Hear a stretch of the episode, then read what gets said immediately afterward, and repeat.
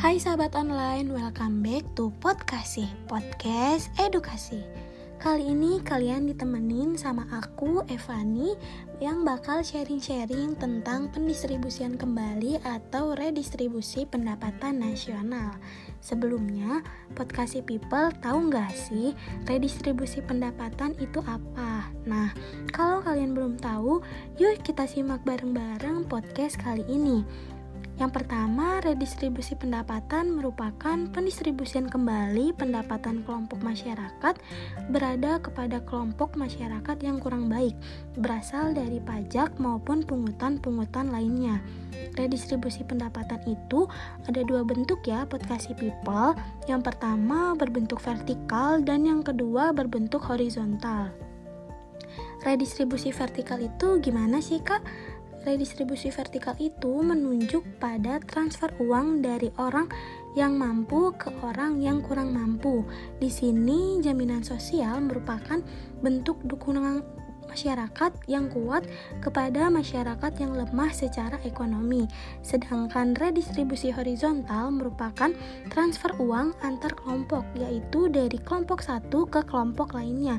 Contohnya itu seperti dari laki-laki ke perempuan dari orang dewasa ke anak-anak, dan dari remaja ke orang tua. Selanjutnya, dalam rangka e, mewujudkan program redistribusi pendapatan di Indonesia untuk dapat memeratakan pembangunan, pemerintah telah melakukan beberapa strategi, antara lain dengan merealisasikan beberapa program pemerintah.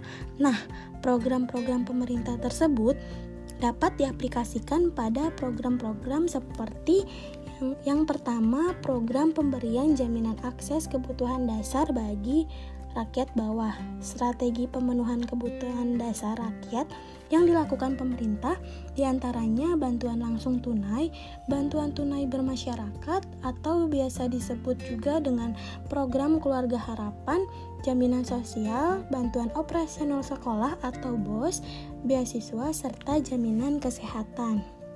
Yang kedua, program kredit lunak dan penjaminan kredit berbasis komunitas. Kebijakan ini tentunya merupakan angin segar yang sudah lama ditunggu oleh masyarakat nih, sobat uh, khususnya usaha, usaha mikro dan usaha kecil. Dalam program KUR ini, pemerintah telah menitipkan uang yang berasal dari APBN sebesar 1,4 triliun kepada lembaga peminjaman dan harapannya bank-bank nasional yang dilibatkan dalam program tersebut akan mampu memberikan pinjaman kepada UMKM.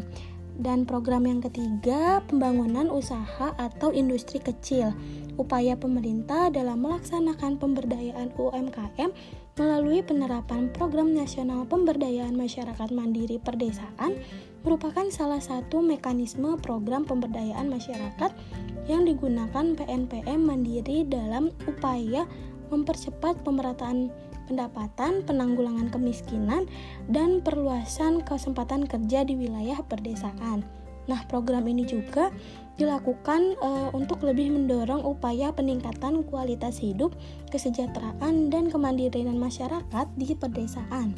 Program yang keempat, pemerintah bekerja sama dengan swasta lokal dan asing untuk menjalankan program Corporate Social Responsibility.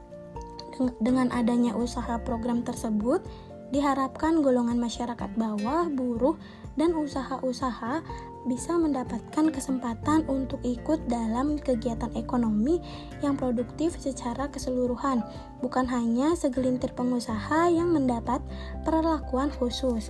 Dan program yang terakhir, pemerintah konsisten dalam mewujudkan kebijakan penegakan hukum dan keadilan ekonomi. Hukum dan keadilan ekonomi yang tidak mendiskriminasikan golongan miskin merupakan modal awal sehingga kebijakan redistribusi yang diambil pemerintah menjadi efektif untuk mengurangi atau bahkan menghilangkan ketimpangan pendapatan yang ada di Indonesia.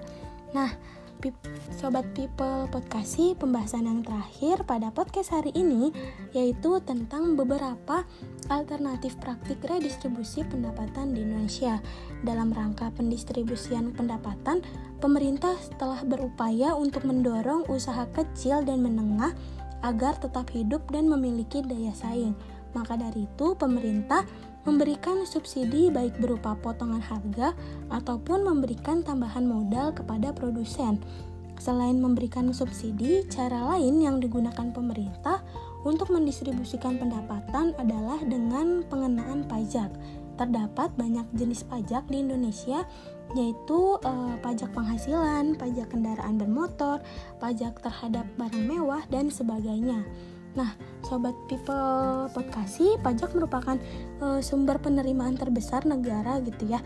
Berbagai proyek pemerintah dibiayai dari hasil pembayaran pajak dari masyarakat. Terus juga pemberian subsidi kepada masyarakat juga berasal dari pendapatan pajak. Dengan demikian, pajak dan subsidi merupakan alat utama dalam pendistribusian pendapatan. Wah, nggak kerasa ya podcast people, kita udah sama-sama belajar sampai selama ini. Segitu dulu aja dari aku buat podcast hari ini. Sampai jumpa di podcast selanjutnya. Bye.